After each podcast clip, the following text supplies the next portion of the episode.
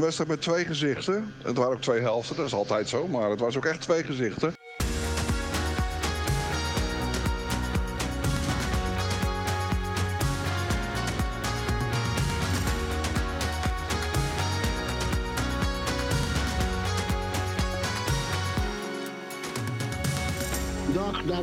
Jongens en meisjes. Van harte welkom bij een nieuwe aflevering van de Korfbal Podcast. Ja, nog steeds eh, zonder Luna. Die heeft wel KZ eh, Fortuna gepresenteerd. Daarna is haar stem weer verdwenen, dus u mag het nog een weekje met mij doen. Mijn naam is Jacke van der Boogaard en het is een, uh, ja, een, een, een mannenpodcast uh, deze week. Want onze gasten zijn Henk-Jan Mulder, Wilco van der Bos en Gerrit Lolkema. Mannen, welkom. Dank je. Dankjewel. Ja, Wilco is uh, podcastmeubilair. Henk-Jan hebben we ook al veel vaker in de podcast mogen verwelkomen coach van de DOS 46. Gerrit, voor de mensen die jou niet kennen, zou jij je even willen voorstellen? Ja, Gerrit Wolgema uit Heerenveen, oud topscheidsrechter. Uh, sinds uh, vele jaren al uh, juryvoorzitter in de league en ook voor de IKF. En daarnaast doe ik nog wat in begeleiding van de scheidsrechters. En doe ik onder andere ook videoanalyse voor scheidsrechterskoppels. Nou, dat zijn uiteraard ook onderwerpen waar we het over gaan hebben. Hè? Dus, dus onder andere over de rol van een jurytafel, maar ook over de arbitrage en dan met name het project waar je het net over had. Uiteraard gaan we vandaag ook de wedstrijden bespreken uit de Korfbal ronde nummer 10 en ook ronde 11 van de Korfbal League 2. En alles wat verder nog voorbij komt. Nou, laten we maar beginnen met de wedstrijden. Wilco,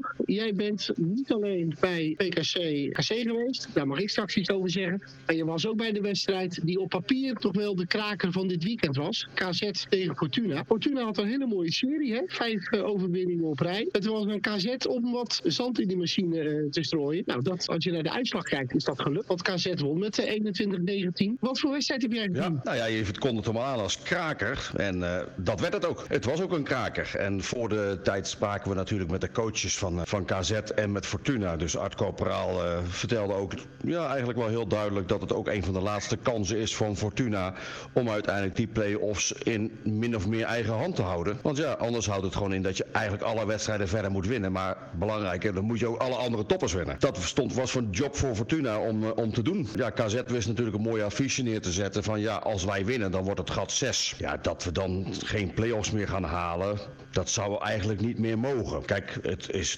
altijd nog sport en je bent er nog niet. Maar je zet een grote stap richting play-offs. Nou, en KZ heeft dat uiteindelijk gedaan. Dat ging niet vanzelf. Nee, het was een, wat dat betreft een mooie wedstrijd waar veel wisselingen in zaten. Ik kan nou niet zeggen dat het niveau misschien het allerbeste was van alles wat we zagen. We zagen wel een uh, goede scheidsrechtersduo in, uh, in de vorm van Peter van der Terp en Stan de Groot. Die gewoon een, uh, een hele goede wedstrijd floten. Fortuna begon de wedstrijd gewoon. En die waren ook echt zeer dominant aanwezig. het werd 4-1 voor Fortuna. Daarna stokte het ook bij Fortuna aanvallend. Maar KZ had helemaal geen macht op dat moment. Het vak van Alwin Oud, uh, Marijn van der Goorberg, dat in dat moment aanval moest spelen, had geen enkele power om daar ook eigenlijk maar in te komen. Uiteindelijk werd het toch 4-4.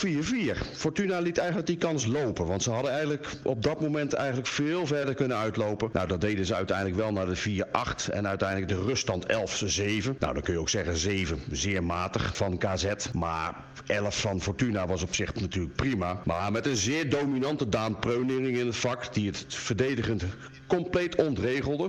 Waardoor eigenlijk ja, KZ er gewoon niet aankwam. En Daan was uh, zeer dominant aanwezig en aanvallend schoot hij ook nog zijn ballen binnen. Wat hij weer op een reusachtig goede wijze deed. En ja, hij was de laatste weken natuurlijk fantastisch in vorm. In het andere vak hadden ze echt een andere persoon die echt zeer dominant en duidelijk aanwezig was. In de persoon van Marijn Mensing. Ja, een jonge jongen van 19 jaar met 2 meter plus uh, die gewoon zijn rebounds wint is nog niet heel bijzonder. Maar dat hij dan ook nog drie goals maakt en eigenlijk ook nog zorgt dat hij verdedigend uh, de, de rebounds wint en het vak ontregelt. Ja, dat was KZ eigenlijk een beetje te veel, die twee mannen. Want ja, die twee mannen domineerden de eerste helft gewoon. Het was heel simpel. Die mannen zorgden ervoor eigenlijk dat KZ niet aan spelen toe kwam. Want ja, Carlo de Vries had in de paalzone eigenlijk niks te vertellen tegen Marijn Mensing. En Daan Preuningen ontregelde het vak en heerste in de paal. Het was rust. Nou, na de rust, dan denk je bij jezelf, nee, je moet iets gaan wisselen. Je moet iets gaan anderen, je moet iets anders gaan doen. Maar KZ kwam fantastisch uit de kleedkamer. Want ja, goed, uh, uiteindelijk 7-11 werd niet al te lange tijd, was het 12-11 voor KZ. Wat mij zeer verbaasde is dat Fortuna geen time-out nam en eigenlijk geen rust nam. Ja, er werd verklaard van de spelers kunnen dat prima zelf en die hadden de oplossingen binnen hand enzovoorts. Ja, ik denk dat je ze had kunnen helpen. Maar goed, uh, dat ging verder. Fortuna bleef ook gewoon prima in de race. Het ging, het ging heel erg gelijk op. 15-14 werd het weer voor Fortuna, 16-16, 17-17, 18-18, 18-19 voor Fortuna. Nou, toen begon het erop lijken dat Fortuna misschien toch wel de overhand ging halen. Maar goed, we hadden een Alwin Oud in het veld staan de tweede helft. Ja, daar stond geen maat op. Die schoot met Daan zijn vingers in zijn neus uh, vanaf de zijlijn de ballen gewoon binnen. En dat deed hij uh, met zeven treffers uit 20 pogingen. Ja, dat was echt waanzinnig. Aan de andere kant mocht KZ in het andere vak met Kevin Dick onder de paal maar blijven herhalen. Want Nick van der Steen stond daar en won eigenlijk geen bal meer. En ja, goed, dan ging het wedstrijd ging eigenlijk maar door en door. Ja, daar werd ook geen wisseling getroffen. Dus dat verbaasde me eigenlijk ook weer zeer sterk dat er geen rebounder werd ingezet om dat te ontregelen. Want ja, het was nou niet zo dat Carlo de Vries nou fantastisch op schot was. Het was herhalen, herhalen, herhalen. En vervolgens ook een Anouk Haars die mocht blijven schieten. Ja, dan schiet Carlo op een gegeven moment in de hele wedstrijd toch nog 5 op, 5, op 26. Nou, oké, prima percentage. En Kevin Dick komt dan uiteindelijk op 3-9. Maar goed, die stond de rebound echt fantastisch op. Ja, en uiteindelijk in de slotfase wint KZ gewoon die wedstrijd terecht. Maar ik vind het ook wel een beetje de schuld van Fortuna zelf. Dat ze niet ingegrepen hebben en daar eigenlijk het plan hebben gewijzigd. Door te zorgen dat KZ weer iets anders moest doen of omzetten. Ze mochten maar blijven spelen, waardoor ze eigenlijk heel makkelijk hun wedstrijd konden herhalen en binnenslepen. Dus ja, kortom, een hele spannende wedstrijd. Met veel spektakel. Ik heb genoten. Maar dit was een, uh, wat we noemen, een vierpuntenwedstrijd, hè? Ja, zo noemen we dat dan. Maar dat is natuurlijk ook zo. Want ja, het wordt al gaatje 2 of het gaatje 6. Ja, dat is wel echt waanzinnig in deze fase met nog... Ja, hoeveel wedstrijden hebben we nog? 8, 9? 8, hè? Ja, nog 8 wedstrijden. Ja, en laten we eerlijk zijn, er zijn een aantal topploegen. Ja, die gaan niet verliezen van de kleintjes. Dat gebeurt bijna niet. Dus ja, dan moet je een paar andere toppers winnen. En de concurrent moet alles winnen. Want ja, anders kun je niet meer meedoen. Nou, we gaan straks gaan we nog even naar de stand kijken. En daar wat, nou, conclusies nog wat voorbarig. Maar dan gaan we nog wel ons licht daarover laten schijnen. Gaan we door naar de volgende wedstrijd. Is die tussen DVO en KCC. Henk Jan, die wedstrijd heb jij gezien. Het was trouwens KCC tegen DVO, want hij werd in Capelle gespeeld. Uitslag 20 tegen 24. Als je naar de stand kijkt, denk je, nou, dat was close. Was het close? Nou, in die zin dat KCC heel vaak op een achterstand van twee punten uh, stond. Dus dat was 0-2, 2-4, 4-6, 6-8. Nou, zo ging dat uh, wat door. Meerkerk die schoot zijn eerste schoten bijna allemaal mis. Maar die kwam toen los en die uh, tilde onder andere de stand van 6-8 naar 6-10. Nou, na 7-13 werd de ruststand nog op 10-13. En ja, toen had je die idee de KCC nog een beetje aan het, aan het touwtje hing. Nou ja, na de rust was het weer Meerkerk 10-14. Nou, na 12-14 herhaalde hij dat nog een keer met twee treffers. Het was 12-16. Nou, Meerkerk zou uiteindelijk van mij op 11 doelpunten maar liefst eindigen. Dus die was uh, moeilijk te bespelen door KCC. Nou, DWO nam nog een time-out op 13-18. Maar vreemd genoeg kwam er daarna nog een 3-0 run van KCC. Maar ja, 16-18 dan zag je bij KCC van nou, misschien zit er toch nog wat in. Maar toen was het drie doelpunten later. was het 16-21 en Boadi maakte die, die 16-21. En die gaf toen eigenlijk wel een, een klap erop. En daarna werd een beetje om en om naar de eindstand uh, toegespeeld. Maar ja, je had nooit uh, als kijker het idee dat, uh, dat KCC echt aan zou haken. Althans, dat idee had ik niet. Het was nog een curieus moment in, in de tweede helft. In de eerste helft had collega Wassink al een gele kaart op vrij vlot gekregen na een minuut of tien. En zijn collega Ploeg die kreeg ook geel en die, die mopperde nog wat door. En die kreeg toen zijn tweede geel van de scheids. En ja, direct daarna, en die scheidsrechter die maakte overduidelijk een wijsgebaar van nou ja, je moet, je, moet je plek verlaten en naar de andere kant van de zaal. Maar goed, tegenwoordig is het zo dat dat na drie keer geel moest. Dus er ontstond wat consternatie. En uh, nou, het curieuze was al dat uh, scheids hem eerst wilde wegsturen. En het werd nog merkwaardiger toen daarna ja, dan loopt naar de jurytafel. En de juryvoorzitter die pakt een, een, formulier erbij en die leest alle regels nog eens een keer door volgens mij. En toen werd de conclusie getrokken, ja nee, ploeg hoeft niet weg. Dus nou, dat zal wat hilariteit op de KCC-bank was duidelijk in beeld te zien. Maar dat was op zijn minst gezegd wel een curieus moment. Omdat ja, die regel van mij in het begin van het seizoen duidelijk gecommuniceerd is. Ja, en, en, en, en waarschijnlijk ook, volgens mij, Kenneth weet daar alles van, dus die moet maar corrigeren dat het niet zo is. Maar volgens mij zijn er ook regelmatig bijscholingen en dergelijke. Zitten alle Korfbal League scheidsrechters regelmatig bij elkaar en, en nou ja, nemen ze met elkaar alle belangrijke zaken nog eens door. Dit zou niet nieuw moeten zijn. Nee, het is ook niet nieuw. Maar ik denk nog niet dat het zo vreselijk vaak voorgekomen is dat iemand twee keer geel krijgt in een wedstrijd. Dus en de verwarring zit hem een beetje in het feit dat het te maken heeft met dat het iemand is die op de bank betreft. Want dan zit het spelregel-experiment geeft aan dat uh, spelers, wissels, de coaches en assistentcoach, daar geldt het experiment voor. Voor drie gele kaarten is rood. Maar als er bijvoorbeeld een, een, een, teambegeleider is of het is een fysiotherapeut, dan is het oude systeem van kracht. Om, nou ga ik toch even een beetje voor de scheidsrechter staan. Ik denk dat daar ze nu dan ook wel wat de verwarring in zet. Of daar de verwarring door kan zijn ontstaan. En dan is het heel handig, want een juryvoorzitter heeft dan gelukkig, en er lag een, uh, wat ik begrepen heb ook van gisteravond, van de dienstdoende jury, collega, dat er een, uh, een spelregel-experiment tijdens straf, dat lag geplastificeerd op de tafel. Dus dan kijk je de zaak nog even na. En dan zorg je dat het allemaal binnen de zaken zoals we het hebben afgesproken ook uh, uitgevoerd gaat worden. Maar dat het inderdaad even, dat het, ja, dat het, dat het dan wat consternatie geeft, het mogen duidelijk zijn. Het toeval bestaat niet. Wij wisten van tevoren, uh, we hebben jou eerder al uitgenodigd voordat dit, dit ja. uh, plaatsvond. Maar nu je er toch bent, ik denk dat veel mensen niet weten, of niet helemaal duidelijk hebben, waar ook de bevoegdheden van de jurytafel, de juryvoorzitter, beginnen en waar die eindigen. Want in dit geval, ja, kon je zeggen dat die juryvoorzitter insneept, hè, de, de scheidsrechters overrulde. In, in wat voor situaties kan dat? Mag dat? Nou, een, een juryvoorzitter overroelt sowieso de scheidsrechter niet. Want de scheidsrechter blijft altijd en alle tijden eindverantwoordelijk. Oké. Okay. Maar je bent een uh, arbitrage-official aangewezen door het KNKV. En ik zeg altijd van een juryvoorzitter moet er alles aan doen om ondersteunend zijn naar het dienstdoende arbitrale koppel. Zo gaan wij daar ook mee om. Daarom spreek je elkaar, ontmoet je elkaar een, nou, ruim een uur van tevoren bij de wedstrijd en uh, spreek je over uh, de zaken rondom de wedstrijd. En ook hoe je communiceert. Dat er tijdens de wedstrijd ook gekeken wordt naar de tafel. En als er zaken gebeuren waarvan wij van overtuigd zijn als juryvoorzitters van dit is niet conform de regels zoals we die hebben afgesproken. Ja, dan moet je daar de scheidsrechter op wijzen. Nou, dat is gisteravond gebeurd. Dus volgens mij is het allemaal heel keurig gegaan zoals het zou moeten. En dan nog blijft de scheidsrechter eindverantwoordelijk. En als de scheidsrechter op dat moment had gezegd de coach, is, wordt, de coach wordt alsnog weggestuurd. Ja, dan zal er na het wel het een en ander gebeuren. Maar dan blijft de scheidsrechter eindverantwoordelijk. Dus een juryvoorzitter overroelt niet, maar kan wel zijn licht erover laten schijnen. Ja en misschien nog gelijk even een leuk bruggetje, want daar is ook wel regelmatig wat over te doen. Hè? Ja.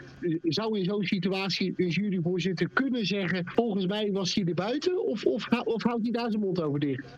Nou, als het uit zichzelf niet, dat is niet heel verstandig om dat te doen. Ik heb dat zelf uh, een, een, paar jaar geleden een keer meegemaakt bij de wedstrijd Blauw-Wit tegen DOS 46. Toen was er in de laatste seconde werd er inderdaad uh, een, uh, alsnog een, een doelpunt gescoord volgens mij nog 2,2 seconden. Ja. En uh, toen was er allerlei consternatie, waardoor er inderdaad een gelijkspel volgens mij op, uh, tot stand kwam. Maar uiteindelijk blijft de scheidsrechter eindverantwoordelijk. Wat heel veel scheidsrechters doen, die nemen zelf een beslissing.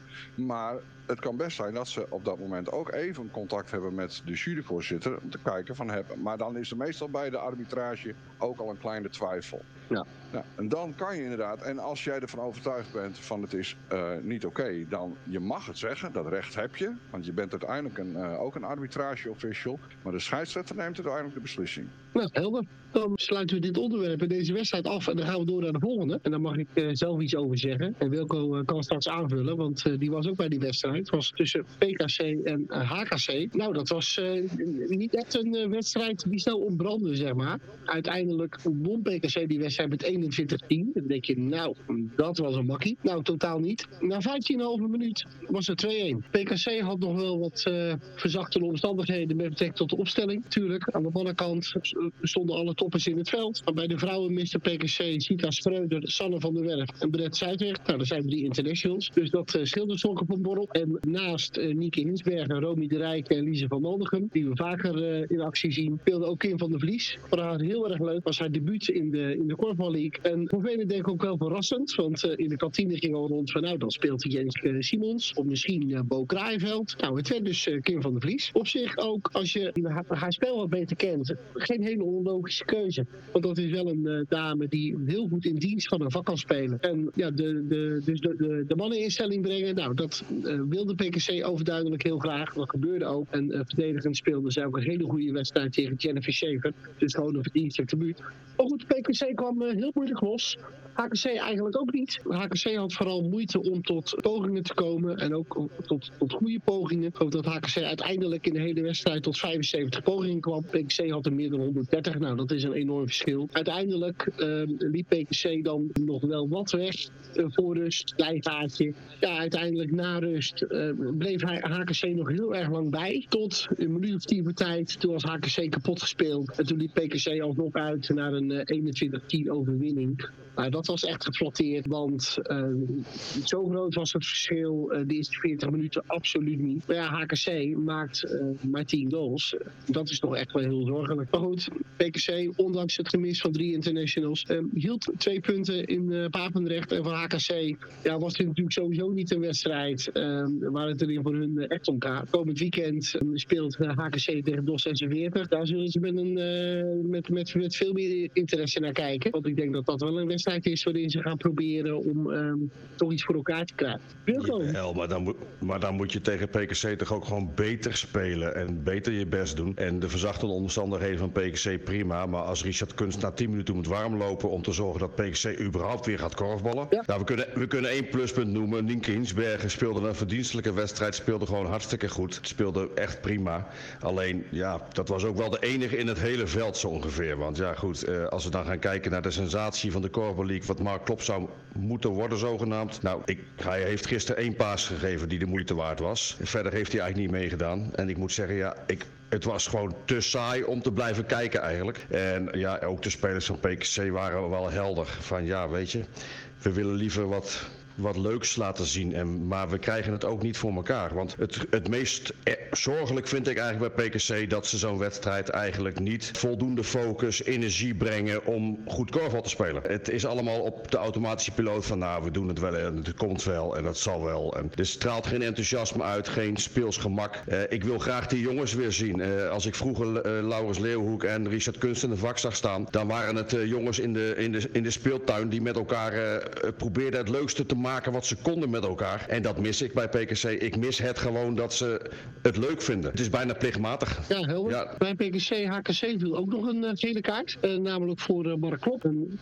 Olaf van Wijngaarden maakte een overtreding tegen Danny den Dunne. Bij HKC vonden ze dat, dat Van Wijngaarden er heel had moeten krijgen. Uiteindelijk zei Klop daar van alles over en die kreeg heel. En daarna waren er ook nog wel wat uh, akkefietjes in de eerste helft tussen Van Wijngaarden en HKC. Wil je daar nog iets over kwijt? Nou ja, laat ik eerlijk zeggen. Het, het arbitrale duo was niet het sterkste gisteren. En ik moet zeggen, het is een gerenommeerd duo met Marcel Luttink en Juri Kok. En ik moet zeggen, ik vind het uitstekende scheidsrechter. Maar ze deelden in de malaise van de wedstrijd. Ja, het niveau wat de wedstrijd had, hadden zij ook. En ze hebben een aantal dingen gemist. Want ik heb toch wel ook, ook nog een andere gele kaart van Olaf gezien. Dat ik zoiets heb van, ja, weet je, kan ook niet door de beugel. Ik kan wel zeggen, ik ga voor een bal. Maar als daar gewoon mensen tussenin staat, mag je ze nog steeds niet zo hard mogelijk ondersteboven lopen. Dat gaat nou eenmaal niet in het korfbal. Ik vind daar wat van. Ik vind dat dat anders moet. En ik, eh, ik vind het jammer, want ik vind Olaf van Wijngaarden een van de mooiste korballers van Nederland. En hij heeft het helemaal niet nodig. Dus hij moet het ook niet doen. En hij deed het de laatste tijd ook gewoon niet meer. Want hij speelde echt fantastisch. En ik vond het jammer dat hij eigenlijk weer een beetje terug is. En ik hoop dat het ook eigenlijk nu gelijk weer over is.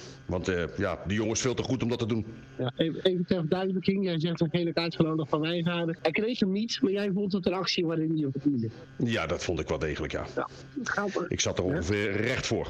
Ja. Dan gaan we door naar de volgende wedstrijd. Ook zaterdagavond gespeeld. DOS 46 tegen Groen Geel. Ja, Henk Jan, dat, dat was in de allereerste speelronde een wedstrijd waar heel veel over nagepraat werd. Omdat dat 12-12 werd punt voor Groen en ook één punt voor jullie. Gisteren wonnen jullie met 24-17. Wat voor wedstrijd was dat? Nou, de eerste helft was eigenlijk van beide kanten matig. Uh, ruststand was 8-8. Uh, ehm, ik vond, uh, ja, Groen had ervoor gekozen om achter te verdedigen. Dat, dat hadden wij verwacht. Eh, in één vak leverde dat bij ons wat moeizaam spel op. afronding was andermaal niet, niet geweldig. Hè. We hebben destijds in Wormer 50 keer meer geschoten. Dus dat was inderdaad vrij bizar dat je met 135 tegen 85 pogingen gelijk speelt en dan ook nog 12-12 vonden wij het verdedigend ook ja, met binnendruk wat te veel goals tegenkregen. Uh, werd ook ja, rijkelijk gestrooid met strafworpen en vrije worpen. Hadden we beter mee om moeten gaan. Daarna de sloegen we eigenlijk vrij snel een gaatje. En dat, dat werd ook vrij vlot 4. Nou ja, goed, uiteindelijk werd dat 6 en, en 8. En maximaal werd er nog 11. Dus we zijn ja, de tweede helft eigenlijk niet meer in de problemen geweest. Het is nog 24-13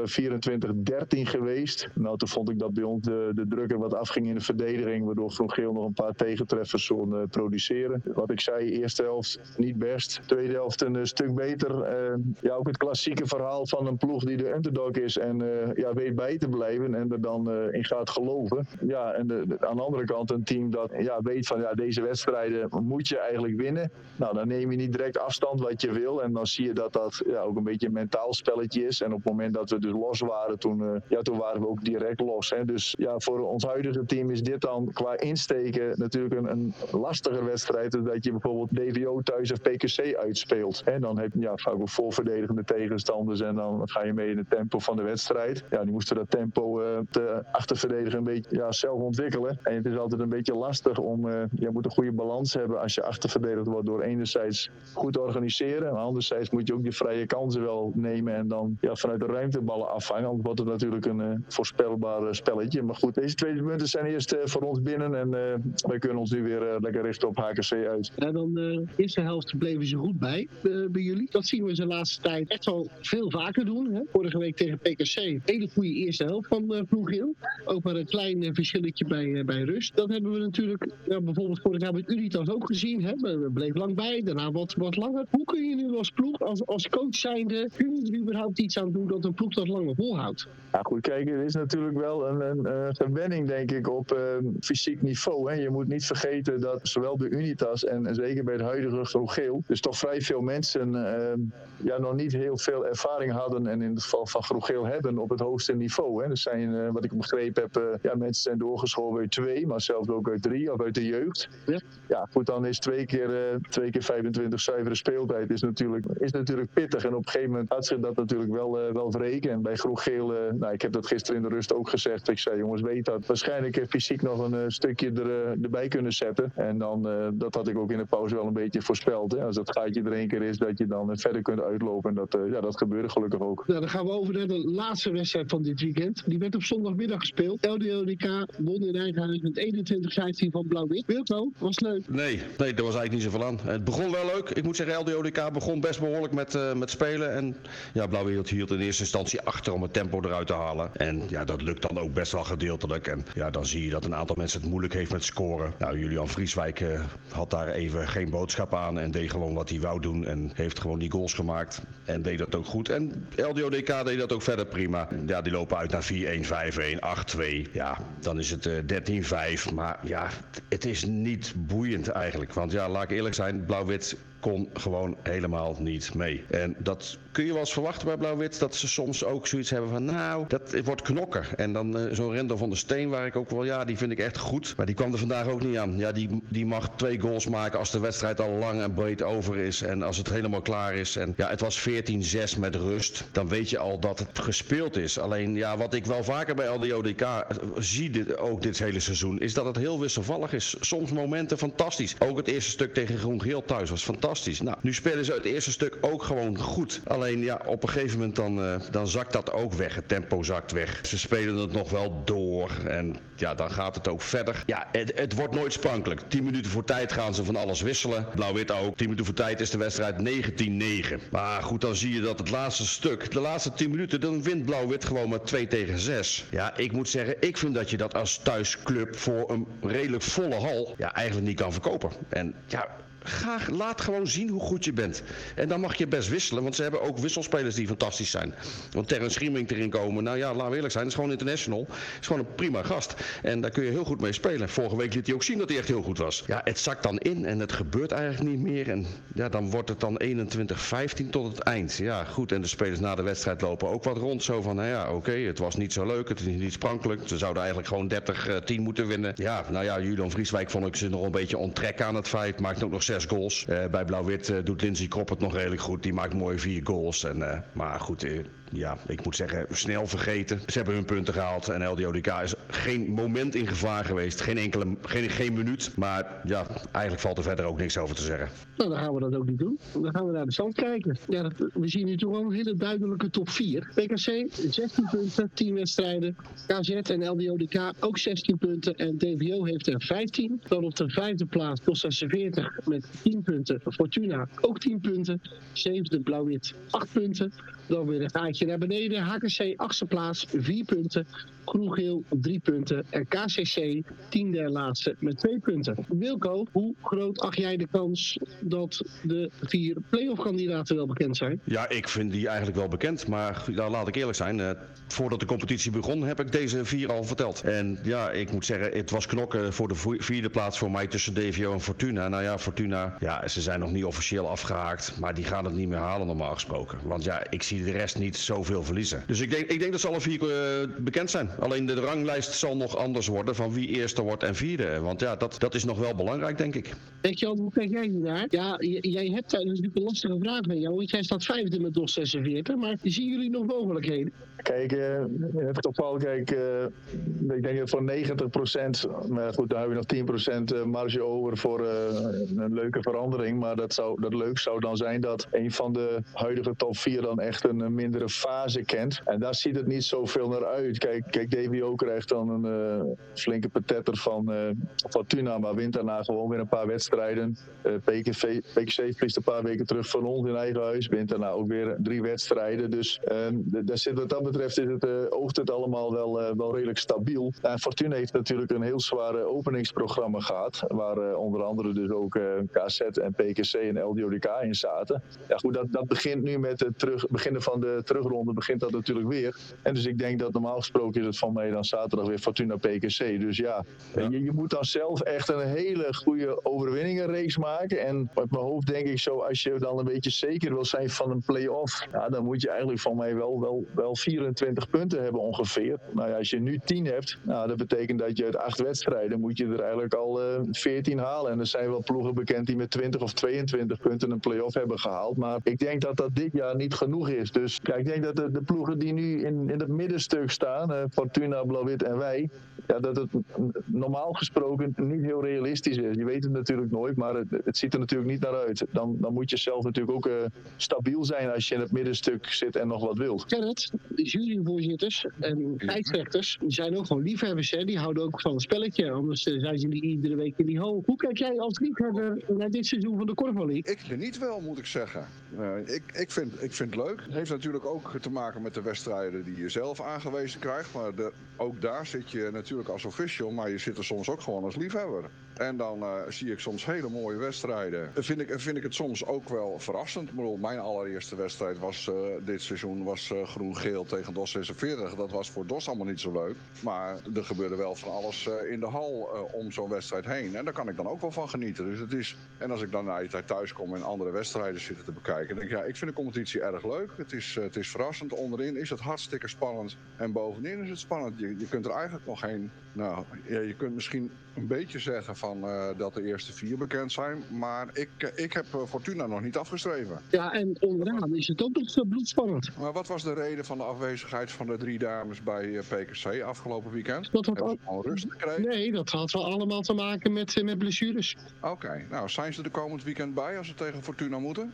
Daar is niet al te veel over gezegd. Nee. Dus dat gaan we zien. Nou, stel dat deze drie er niet zijn, of twee van de drie er niet, dan moet ik het nog zien wat PKC gaat doen tegen, uh, tegen Fortuna. Want Fortuna heeft echt geen slechte ploeg. En als ik ze dan even bekijk in de wedstrijd tegen DVO, nou, dan waren ze echt, was DVO gewoon een maatje te klein. Er was Richard van Vloot ook heel eerlijk in. Zo van, we hebben vandaag gewoon echt heel goed en uitstekend Fortuna gezien. Dus ik heb Fortuna nog niet afgeschreven. Ik denk ook inderdaad dat dit, deze vier die nu op de eerste vier plaatsen staan, dat dat zou me niet verbazen dat dat inderdaad ook de, nou, de play-off kandidaten worden. Maar de competitie is nog niet klaar. Nou, dan gaan we door. Nee, gelukkig, ge- gelukkig niet, hè? Laten we alsjeblieft blij zijn dat, dat, dat er verrassingen in de lucht hangen. En laat we zijn, Fortuna, ik denk dat Fortuna de meeste kans heeft, omdat ze inderdaad heel stabiel zijn. Aan de andere kant weten we ook dat DOS 46 zo grillig is. Die kunnen maar zo weer een wedstrijd van DVO of PKC winnen. Dus die kunnen ook wel helpen dat anderen weer in beeld komen. Ja, ik zie DOS 46 met alle respect zelf niet in beeld komen. Want ja, als je inderdaad eh, de verkeerde wedstrijden ook verliest en de andere weer wint. Ja, dan kom je daar ook niet boven drijven. Want dan gaat dat natuurlijk niet. Maar ja, die kunnen wel eens een keer zorgen dat de hele competitie straks over een paar weken op zijn kop staat. Nou ja, laten we het hopen. Dat zou toch fantastisch zijn? Nou, dat hoop ik ook. En eh, we gaan het zien. En ik denk dat eh, Henk Jan eh, graag aan een stunt meewerkt. eh, Henk Jan met DOS 46. Ja, goed, dat, dat hebben we natuurlijk al een keer gedaan. Ja, Eh, zeker. Kijk, het, eh, PKC. Ja, maar goed, kijk, als je kijkt naar de ranglijst, eh, Groen Geel en KCC, die hebben samen nu van mij vijf punten vergaat. En eh, drie hebben ze tegen ons behaald. En eh vorig seizoen hadden we een seizoen waarin we eigenlijk alle punten tegen de ploegen onder ons eh, haalden, op een enkele uitzondering na. En naar boven toe was het omgekeerd. We hebben vorig jaar bijvoorbeeld in vier wedstrijden nul punten gepakt van DVO en PKC. En nu al drie punten in twee wedstrijden. Dus ja, dat, eti- dat je het etiket grillig dan krijgt, dat is eh, natuurlijk volkomen terecht.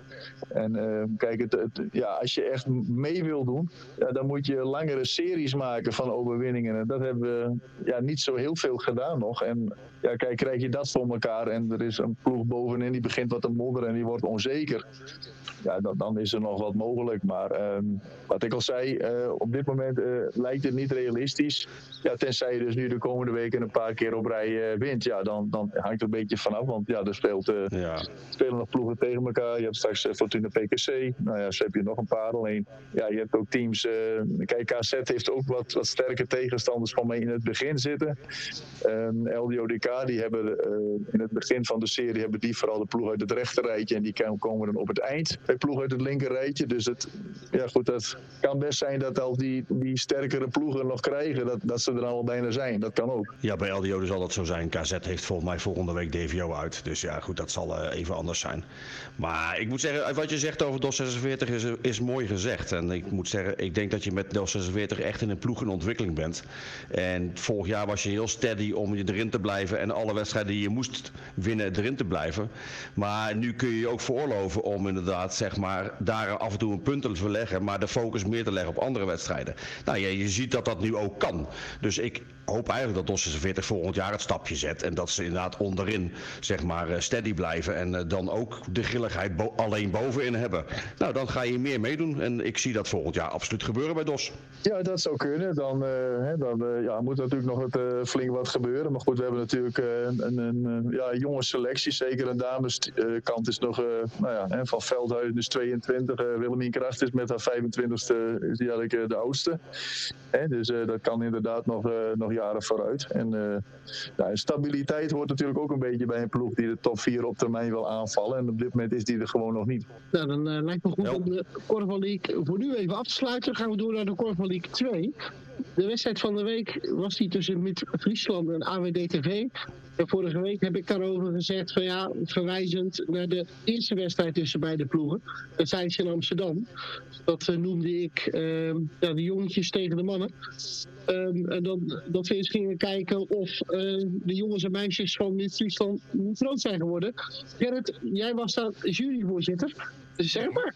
Nou, eh er was een wedstrijd met twee gezichten. Het waren ook twee helften, dat is altijd zo. Maar het was ook echt twee gezichten. En eh, de eerste helft was heel duidelijk eh, de jongens en de meisjes tegen de mannen en de vrouwen. Want AW troefde Mid-Friesland aan alle kanten af. Hadden elke rebound, eh, gaven acties naar binnen, gooiden er strijd in. Liepen eigenlijk in eh, 12,5 minuut uit naar 1-6.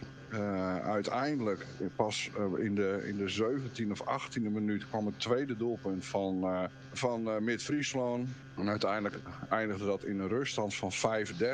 Nou, dan sta je in de rust even te praten. Je spreekt ook wat mensen. Ik bedoel, ik kom uiteindelijk eh, uit Friesland en Heerenveen is maar een kwartiertje van Grauw af. Dus ik kom er ook wel wat bekenden tegen. En dat was ook de reactie van heel veel mensen, het publiek van Mid-Friesland. Zo van nou, uh, vandaag krijgen we een enorm pak op ons broek. En ik merkte aan de mensen van AW uh, dat die zoiets hadden van ja, maar we zijn in, uh, in grauw en die lui die geven nooit op. Nou, dat bleek ook de tweede helft. Want het werd, uh, ik zeg niet dat het spannend werd, maar met Friesland kwam uiteindelijk terug tot drie doelpunten verschil. Toen gaf wel AW ook weer wat gas. Maar er was nog even een, een moment na 12,5 minuten, of zo, na zo'n 12 minuten in, in de tweede helft, kreeg Mick Snel nog een, een gele kaart. Een, nou, een soort kamikaze actie, een beetje vergelijkbaar met wat Olaf van Wijngaarden uh, gisteren deed, waar hij geen geel voor kreeg. Dat was ook de reactie van veel mensen na die tijd. Van, nou ja, dit is nou precies waar wij soms uh, over zitten te praten. De, de ene koppel krijgt het, geeft wel geel en de andere niet. Dat maakt het soms voor spelers maakt dat erg lastig. Mick was ook erg boos dat hij daar geel voor kreeg. Ik denk in mijn ogen was het volkomen terecht dat hij daar een, gele kaart kreeg en vier minuten aan, aan, aan, aan de kant. Maar Mick was wel een beetje, dat was absoluut de leider van het hele team. En dat nam dat team op sleeptouw, bracht er passie in. En toen zakte het even iets weg. Maar ja, dan hebben ze zoveel in huis. Dan hebben ze een Jim Snel op de bank zitten. Ze hebben een Ilona van den Berg op de bank zitten. Die worden erin gebracht. En volgens mij is het de tweede schot wat Ilona... Uh, een, de tweede bal die ze handen. Uh, is, een, is een, op, dat moment weer een doelpunt. En uh, nou, acht minuten voor tijd mocht Mick er weer inkomen. En de wedstrijd was eigenlijk gewoon gespeeld. heel eerlijk, nog steeds de jongens tegen de, de mannen en de meisjes tegen de vrouwen. Er zat een groot verschil. En ik heb een, een, een heel goed uh, AW gezien vanmiddag. Een heldere conclusie, dankjewel. Dan gaan we de andere standen nog even doornemen. Top aan de Muiden, Top Sassenheim 1822. Dalto tegen Tempo 2417. DSC wint van Avanti 23-16. En Unitas wint met dezelfde cijfers 23-16 van Oost-Arnhem. Ja, en als we dan even naar de stand kijken, dan uh, zien we ook daar wel een uh, hele duidelijke top 4 nu ontstaan. Eerste, AWD-TV, 11 wedstrijden, 18 punten. DSC tweede, 17. Unitas 16. En Top Sassheim 15. Dan een gaatje naar Mid-Friesland op de vijfde plaats, 12 punten. Dalto zesde met 11. Dan Oost-Arnhem zevende met 8. Top Arnhemuiden achtste met 7. En dan onderaan negende Avanti 4 punten. En tiende Tempo 2 punten. Wilco, daar zien we toch ook wel een heel duidelijke top 4 nu. Ja, dat is ook voor ons langzamerhand heel duidelijk. Hè? Ja, wij goed, we hebben natuurlijk met Friesland redelijk lang gepromoot uh, dat ze het gingen halen. Nou ja, uh, dat was natuurlijk hartstikke leuk. Het is een mooie droom als je net gepromoveerd bent met een jonge ploeg waar zoveel energie in zit. Maar ik denk dat de juiste, de juiste ploegen ook bovenaan staan. Laten we eerlijk zijn. Uh, ik denk dat AW eigenlijk gewoon de beste ploeg is en uh, het meeste routine heeft. Top Sassheim zit in een hele mooie reeks waar ze uh, uiteindelijk een weg hebben uitgestippeld om weer terug te komen naar de Corpo League. Dat hoeft niet eens dit jaar, maar ze zijn er wel heel duidelijk naar op weg. Ja, DSC doet natuurlijk altijd mee en met Wouter Blok hebben ze ook gewoon een, een goede coach staan. Die dit jaar ook gewoon wat andere keuzes heeft gemaakt. En ook de zaalcompetitie heel belangrijk heeft gemaakt. En bij DSC dus het veld gewoon even wat meer naar de achtergrond heeft gebracht. Waardoor DSC de focus en ook de prioriteit in de zaal heeft staan. Waardoor ze goed spelen. Ja, en Unitas die is natuurlijk gedegradeerd vorig jaar. Hebben een hoop ervaring meegenomen van het jaar ervoor. Dus ja, ik denk dat de juiste ploegen ook op de juiste plaats staan. En uh, ja, goed, dat Mid-Friesland er net achteraan hikt. Ja, dat hadden we voorspeld. En Dalto en Oost-Arnhem, ja goed, die... Uh, die staan inderdaad net boven de onderste strepen. En in de middenmoot. En ja, daar horen ze ook thuis. Dus ik denk dat het ook gewoon een plaatje is wat uh, eigenlijk vooraf ook redelijk kloppend is. En uh, ja, weinig echt grote verrassingen. En Jan, hoe kijk jij daarnaar? Nou, kijk, met Friesland heeft denk ik wel de, de potentie om nog, uh, om nog mee te doen. Alleen die winnen uh, niet zoveel uitwedstrijden. Nee. Nou ja, die heb je wel om de twee weken. En uh, de Alto uit hebben ze natuurlijk gewonnen. En nou ja, ik heb vandaag ook een stuk teruggekeken van die wedstrijd. En dan zie je dat bij AWD-TV ook ja, gewoon wat individuele klasse. Uiteindelijk staat Jet Hendricks er ook nog in. Die, die schiet ook een aantal ballen van afstand binnen. Nou, dan heb je nog in het andere vak nog Van den Berg. En nou, de broeders snel zijn al genoemd. Maar ja, de mensen eromheen, dat, dat, dat zag er in mijn ogen allemaal uh, heel stabiel uit. En uh, ik volg niet alles van de Corp League 2 met Friesland wel wat meer natuurlijk. Dat vind ik dan wel interessant. Maar ik denk uiteindelijk dat het, uh, ja, het is nu echt voor het eerst echt een beetje een iets groter gaatje geslagen. Maar goed, het gaatje is niet zo groot als in de, in de Korfbal League. Dus het, het, is ook nog weer niet, uh, ja, het is, het is ook niet onrealistisch als met Friesland nog zou aanhaken. Maar ik zou ook niet opkijken als de huidige vier het uh, gaan uitmaken. Maar ik denk dat Mid-Friesland wel een bepaalde rol gaat spelen. Want dit was hun eerste thuisnederlaag hè, dit seizoen. Ja. Veld, volgens mij zelfs uh, veld en zaal. Ja. Dus zij gaan thuis echt nog wel een aantal verenigingen treffen. Volgens mij krijgen ze Top Sassenheim ook nog thuis. Ja, klopt. Dus zij gaan, nog, zij gaan nog wel een rol spelen. Gaan we de Corvalie 2 voor nu ook afsluiten. Dan gaan we door Gerrit, want jij noemde al even bij het voorstellen het project waar je bij betrokken bent bij het begeleiden van de arbitrage. Ook met videoanalyse en dergelijke. Wil je daar iets meer over vertellen? Ja, ik weet je, één ding, ik ben natuurlijk geen beleidsmaker. Ik ben nee, nee. Uh, gewoon een van de, een van de ja. vele mensen die uh, uh, zaterdags of zondags op pad gaat om koppels te begeleiden. Dat heeft natuurlijk te maken met je, met je eigen staat van dienst als scheidsrechter, wat ik al heel lang doe. En natuurlijk ook met de nodige ervaring die je wat dat betreft gehad heb. En ja, toen op een gegeven moment natuurlijk de, de league met een experiment begon om met twee scheidsrechters te gaan werken, heb je dat eigenlijk vanaf de eerste dag uh, gevolgd. En uh, werd ik eigenlijk op een bepaald moment ook gewoon uh, gevraagd. Ik was toen op dat moment al beoordelaar om inderdaad van beoordelen naar begeleider te gaan.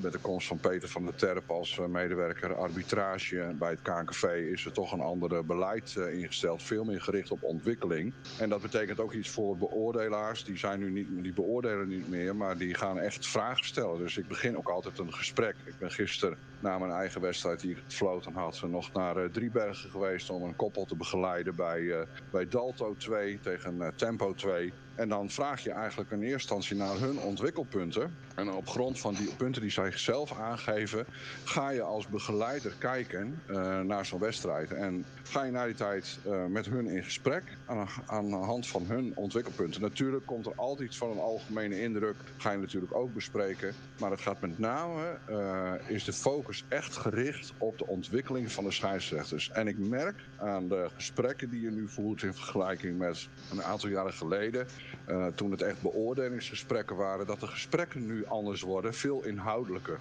Dus kan je ook eigenlijk iets vanuit een stukje ervaring ook veel meer meegeven aan, uh, aan dat koppel. Voorheen waren koppels toch nog wel wat gericht op van ja, ik moet die man wel een beetje, of die vrouw wel een beetje naar de mond praten. Dan krijg ik zo'n hoog mogelijk cijfer. Dat is allemaal niet meer aan de orde. Het gaat nu echt om de ontwikkeling. En we willen graag dat uh, koppels groeien, beter worden. Met uiteindelijk natuurlijk nou, we hebben ook wel een aantal jaar een beetje de slag gemist. Want er is ook wel een, een behoorlijk tekort aan uh, arbiters. En natuurlijk is het, uh, het aantal wedstrijden wat nu begeleid worden door koppels. Dat is natuurlijk in de afgelopen jaren ook enorm gegroeid. Ja, dan heb je dus ook meer koppels nodig. En dat, dat kost je gewoon even een tijd om uh, op niveau nou, ook wedstrijden te kunnen fluiten. Ja, en...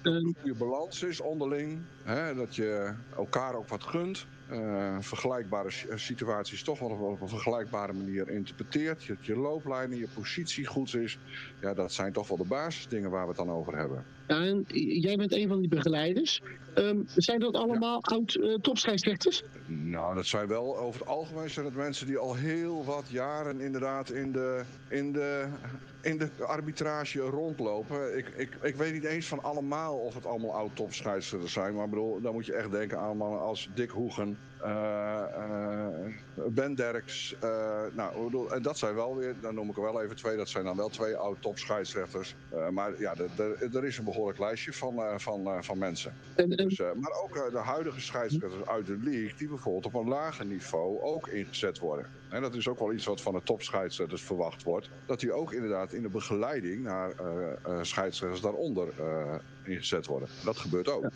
En dat is erg leuk. En als het dan over de arbitrage gaat, ja. wij krijgen als makers van deze podcast, krijgen wij behoorlijk wat berichtjes over vragen over de arbitrage. Die behandelen wij eigenlijk bijna nooit, omdat dat, uh, nou ja, de, de, de, uh, dat is al behoorlijk negatief. Zeggen, ja, wat, wat moeten wij daar dan met een individuele kwestie over zeggen. Hè. Af en toe bepaalde situaties die bespreken we toch wel, omdat dat in een wedstrijd dan aan de orde komt. Maar over het algemeen is de teneur toch wel dat het niveau van de arbitrage momenteel, nou, men vindt het matig ten opzichte van jaren geleden. En als je het dan daar met mensen over hebt, een beetje in de wandelgangen, hè, dan, dan, dan hoor je zo vaak terug, ja, maar het korfbal is de afgelopen jaren ook heel erg veranderd. En Jan, nu ben jij al jaren trainer-coach in de korfbal league. Kun jij aangeven, wat is er dan zo veranderd? Waardoor is het voor de arbitrage, kun jij, uh, uh, snap jij dan het voor de arbitrage zoveel moeilijker is geworden en waar zit dat dan in? Ja, goed, het spel is natuurlijk in de loop der jaren wat sneller geworden, fysieker. En ja, dat fysieke, ik, ik zie nu wel een tendens dat bepaalde acties in afvangduels, in de rebound, dat dat wat vaker een halt toegeroepen wordt. In mijn ogen terecht. Kijk, het gaat dan niet om het goed uitblokken van een tegenstander, maar gaat het om of arm die om een nek van een verdediger of aanvallen wordt gelegd. Nou, ik vind dat de meeste scheidsrechters die daar best wel goed zicht op hebben. En kijk, wat je soms ook in wedstrijden constateert, de mensen die, die, die armklemmen toepassen, dat die als ze teruggefloten worden dan ook nog een beetje gaan protesteren. En ik, nou, ik vind het altijd een goed teken dat de scheidsrechter daar uh, stoïcijns dan zijn eigen lijn trekt. En ja, ik ben zelf, vind ik een coach die zich eigenlijk amper met de arbitrage bemoeit. Dus, en natuurlijk, ja, wij, wij, wij coaches en spelers hebben goede dagen en minder goede dagen. En dat geldt voor de arbitrage ook alleen. Ja, als het bij arbitrage zo is, dan wordt er vaak direct ja, heel veel nadruk op gelegd. En, en ja, het, kijk, het hangt een beetje van het moment af. En soms ja, geeft iemand een dubieuze strafworp of 2-3 of 4-5. Ja, dan hoor je er later niemand meer over. Maar ja, is het bij uh, 22, 22 in de laatste minuut, dan, dan is het gesprek van, uh, van de dag in de kantine. Dus dat is allemaal, uh, ja, soms is het ook even het, uh, het moment. Maar ja, ik moet eerlijk zeggen, als coach ik, uh, je hoort mij niet klagen. Ik heb niet uh, dat ik van tevoren al denk van, oh, put hebben we die. Dat, dat heb ik eigenlijk nooit. Je hebt wel in de voorbereiding dat je rekening mee houdt met het fluitgedrag op basis van de statistieken. Hè? Dus uh, zijn scheidsrechters die, die wijzen wat eerder naar, naar de stip. of anderen die geven relatief gauw vrije ballen in plaats van een spelhervatting. Ja, dat zijn wel dingen die je natuurlijk als coach in een voorbereiding op een wedstrijd meeneemt. Wilco, dan ga ik even naar jou. Ik ben het helemaal met Henk Jan eens. Het spel is natuurlijk veel dynamischer geworden. Het is veel sneller geworden. En, en zeker de, de, de stap die er gezet heeft, dat, dat wij eigenlijk nu zeggen, een, een x aantal jaren geleden, het is een gecontroleerde contactsport. als, als ik even terugga naar mijn beginperiode als scheidsrechter, dat ligt al bijna 40 jaar geleden, uh, was lichamelijk contact verboden. Nou, dat, Jacco, dat zul jij ook nog weten. Zeker. We nog met drie vakken speelden en dat soort dingen. Ja, in de. Uh, uh, ja. En nou, nou spreken we over een gecontroleerde contactsport. Nou, dat maakt het voor een arbiter al heel erg ingewikkeld uh, om, om die controle er ook goed op te houden. Dus het spel is veel sneller geworden. Je wilt ook wat laten gaan, want dat, dat vraagt men ook. Uh, en tegelijkertijd, ja, uh, door de snelheid en de dynamiek kom je soms oren en ogen tekort. En dan is, ik denk het al een heel belangrijke stap geweest, is dat we nu met twee scheidsrechters gaan. In plaats van met een scheidsrechter en assistent scheidsrechter, die alleen maar wat aan de kant kon, kon assisteren. Maar reken maar dat het niet altijd meevalt door de mannen, voor de mannen en vrouwen. Nou Wilco, dan ga ik nu even naar jou. Want, ja, ik ben... Uh, ja? ja, kom maar. Nou, ik wilde nog een andere, uh, iets anders aan toevoegen. Want uh, ik, ik, volg zelf ook heel veel andere sporten. En ook daar zie je dat de, de kritiek uh, op de arbitrage toeneemt.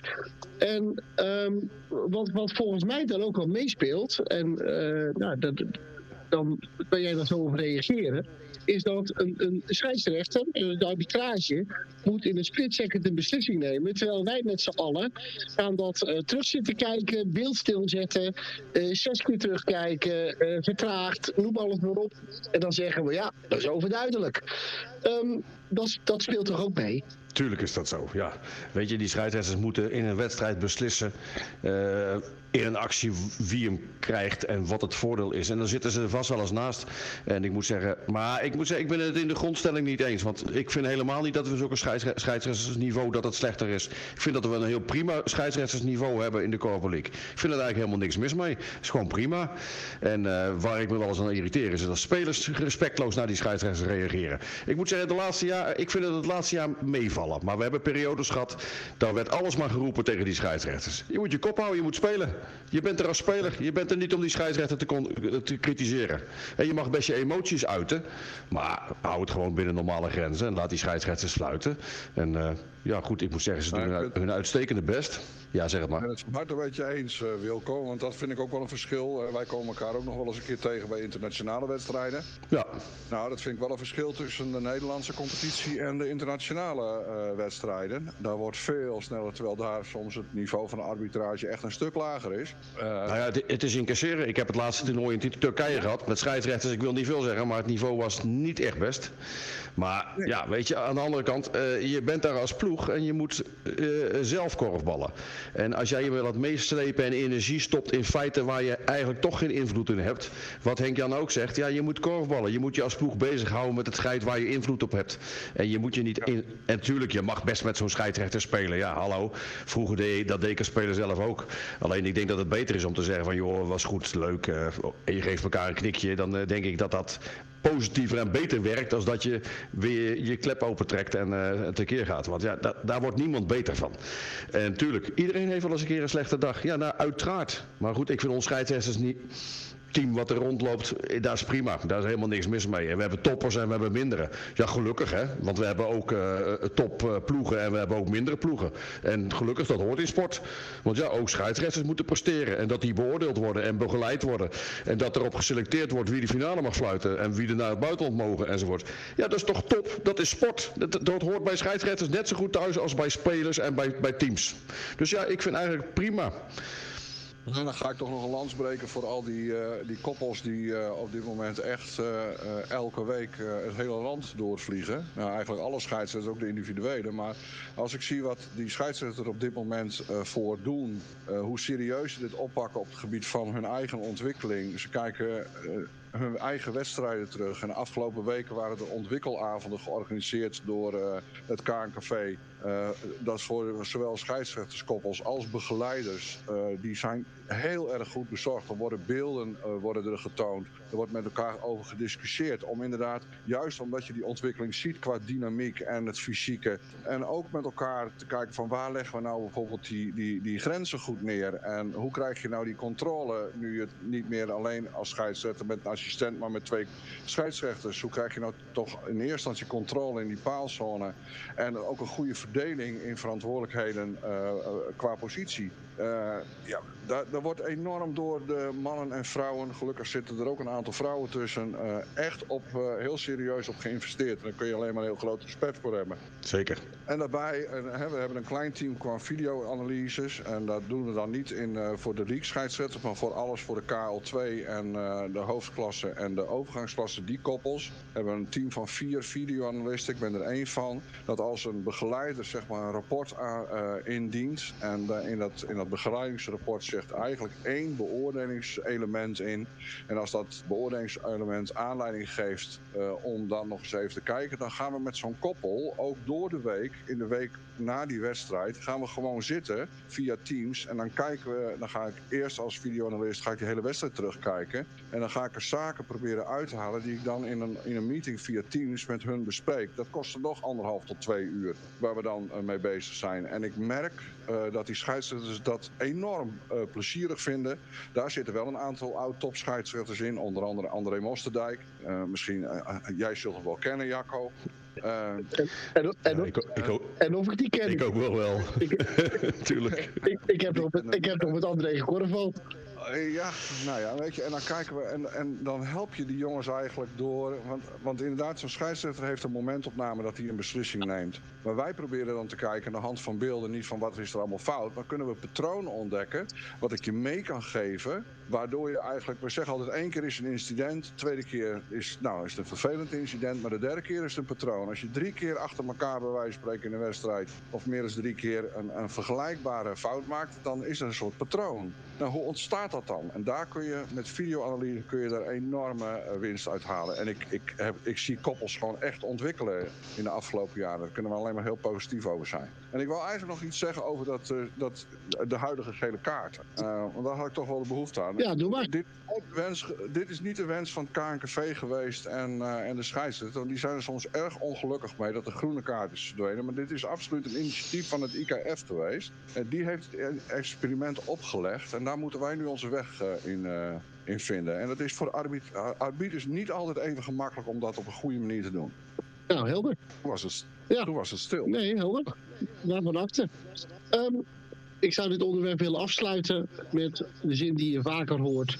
Maar ik denk dat die heel waar is. Namelijk, zonder scheidsrechter geen wedstrijd. Dan Amen. gaan we door. En dan gaan we nog een rondje voorspellen. De wedstrijden van ronde 11 van de Korfbal League. En ook nog één wedstrijd uit de Korfbal League 2. En dat is dan ronde 12. Um, Blauw-wit Amsterdam tegen KCC. Henk-Jan. Blauw-wit. HKC tegen DOS 46. Gerrit. HKC. Groen-geel LDODK. Hmm. Wilco. LDODK. DVO tegen KZ. Gerrit. DVO. Fortuna tegen PKC. Henk-Jan. 24, 24. oh, die, oh, dat, ik, ik hoop het. Uh, ik, ik ben er weer. Het, ik, mag, ik, mag er, ik mag er weer bij zijn. Kijk.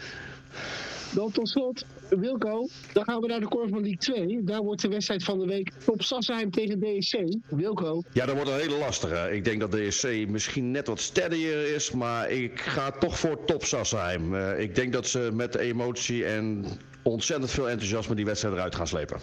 Nou, dan zijn we hiermee aan het einde gekomen van deze podcast. Henk-Jan, Wilco en Gerrit, hartelijk dank voor jullie medewerking. Gerrit, ik, ik lig jou er even persoonlijk uit, omdat het hier de eerste keer was. Dank voor al het uh, nuttige en uh, al het leerzame dat je hebt verteld over de rol van de arbitrage, de juryvoorzitter en zeker ook alle projecten die daar lopen in het kader van begeleiding en ontwikkeling. Ik zou zeggen, als er nog ontwikkelingen zijn, kom je dan nog een keer terug? Ja hoor, je belt maar. Nou, bij deze afgesproken. Uiteraard, alle luisteraars, bedankt voor het luisteren en geniet van de komende speelronde in de Corval League, de Corval League 2 en uiteraard ook van je eigen wedstrijden. Tot de volgende.